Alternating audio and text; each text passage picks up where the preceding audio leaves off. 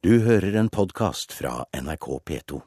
Selv om eh, svartebørssalg av konsertbilletter er forbudt i Norge, selges fortsatt billetter til norske konserter og festivaler til ulovlig overpris via f.eks. et engelsk nettsted. Ukespass til Øyafestivalen blir forsøkt solgt for opptil 3000 kroner over den opprinnelige prisen. Jonas Prangerød sjekker prisene til Øya på den engelske nettsiden via GoGo. Ja, her er vi på ca. 560 til 830 dollar. Prisene for ukespass varierer her fra rundt 3500 til 5000 kroner. Mens prisen egentlig er litt over 2000 kroner. Her er det noen som er helt oppe i åtte stykker til salgs. Ja. Det vil jo være grunn til å tro at de som sitter på mer enn et par billetter til overs, at de har hatt en plan med det her. Viagogo presenterer seg som en nettside der det utelukkende er privatpersoner som selger billetter de har til overs.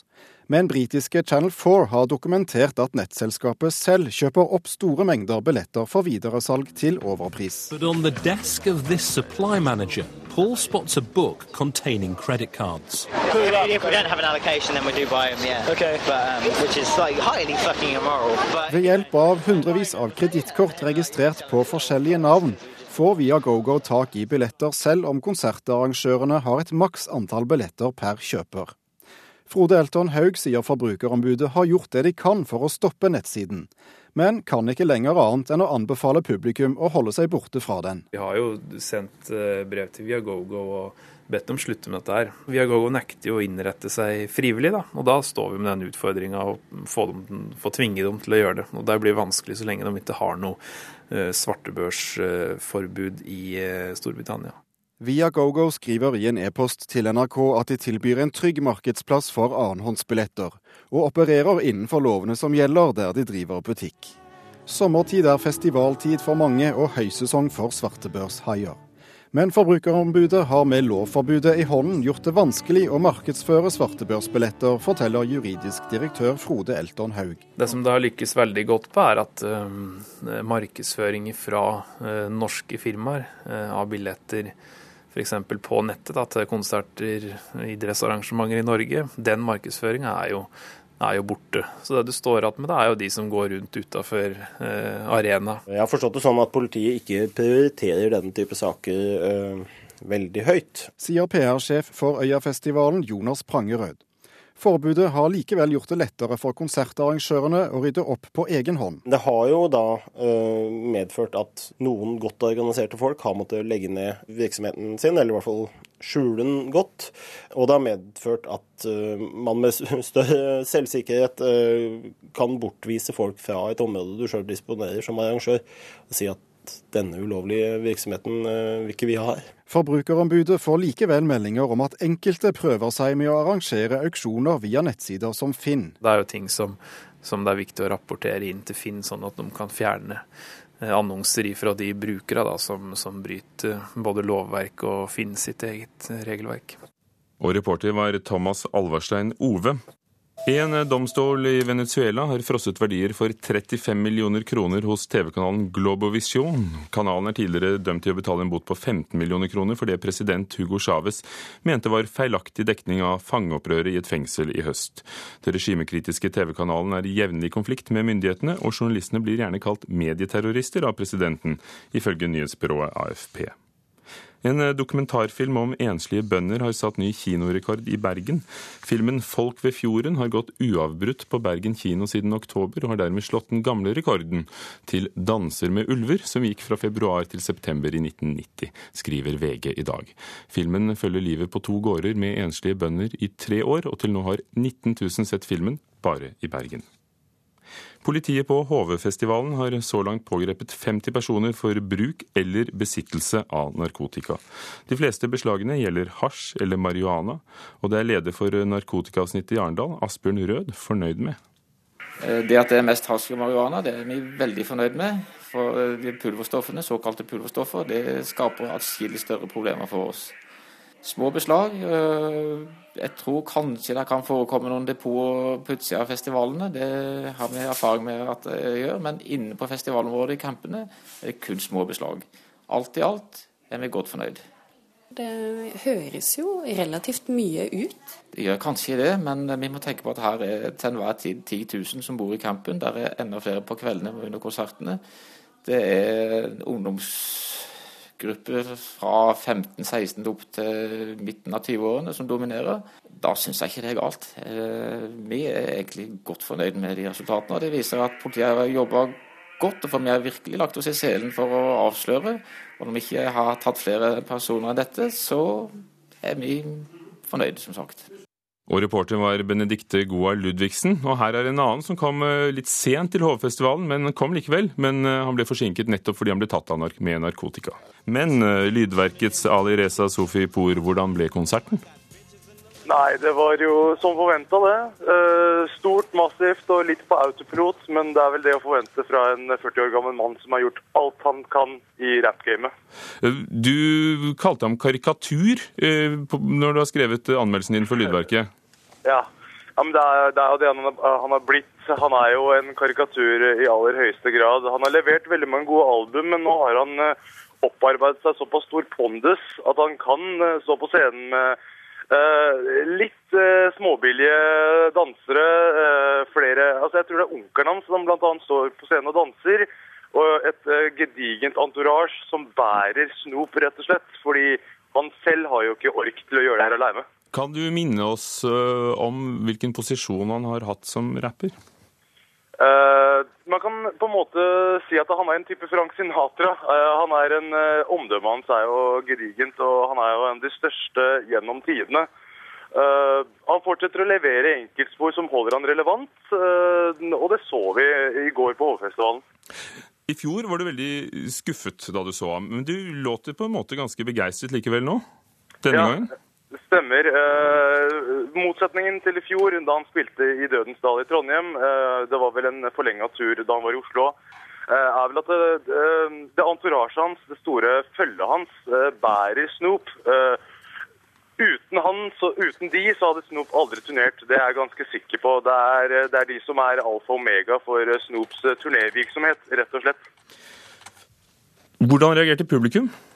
Veldig, veldig bra. Jeg vil ikke si at folk var ukritiske, men når du har en mann som sikkert har 40-50 topphits, så er det vel ganske lett å please publikum, tenker jeg. Hva var bra, hva var dårlig?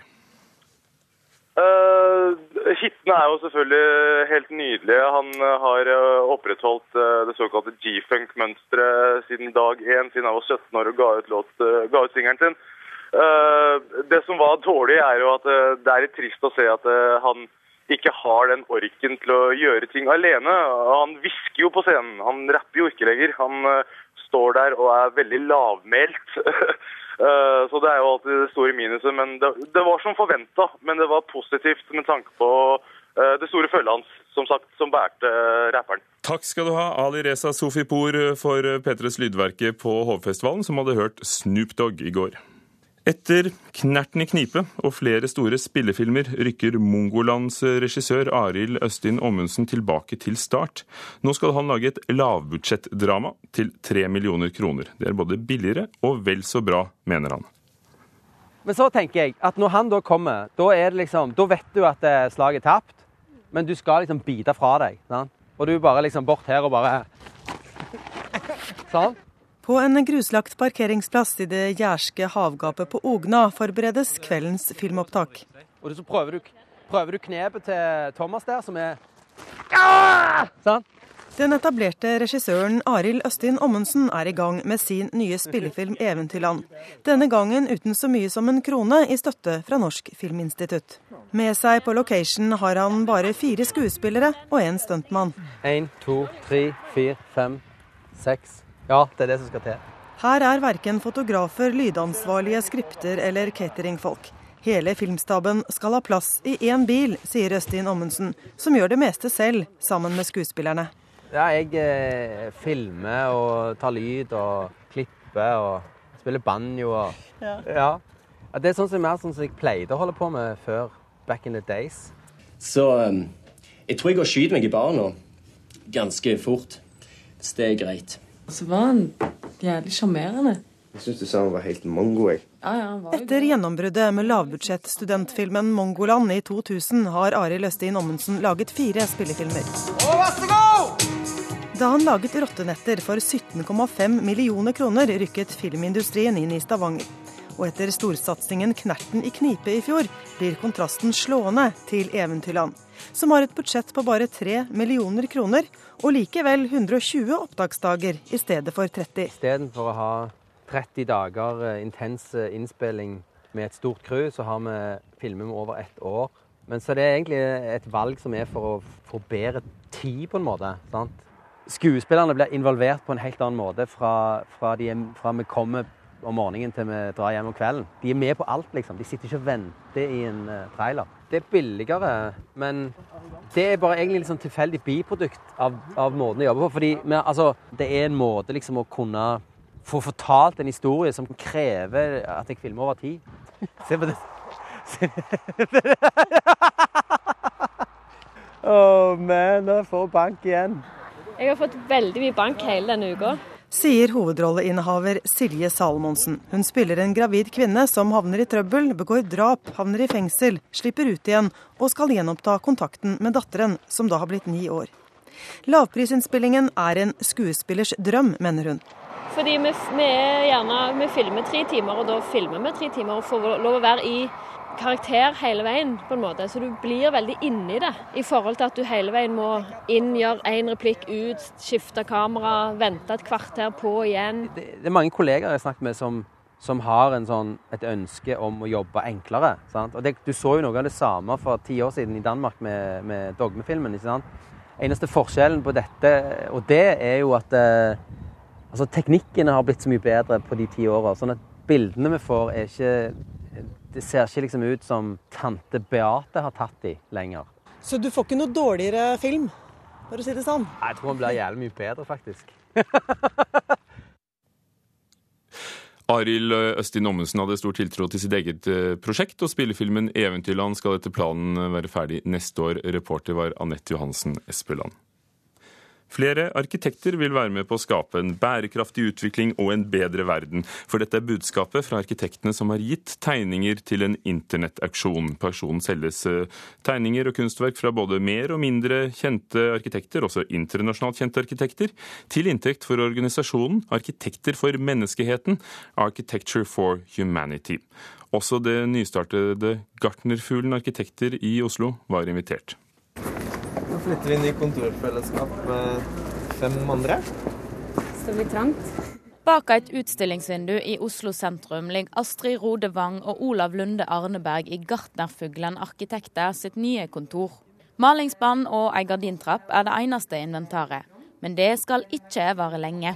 Så vi har egentlig tenkt å bygge et hus i huset, lukke, hvor alle kan lukke liksom sin egen pult.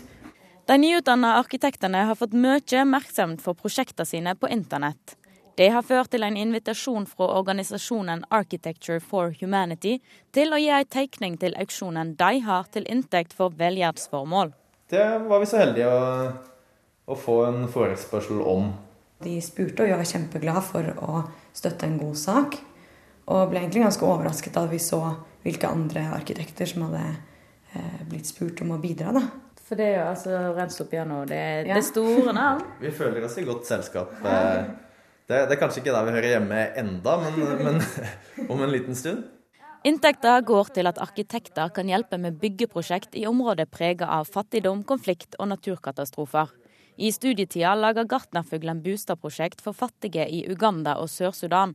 Og de kjenner et økt ansvar for å gjøre mer enn å tegne fine hus. Og på en måte så stiller man kanskje høyere krav til yngre arkitekter, for vi vet mye mer. Vi har tilgang til mye mer informasjon.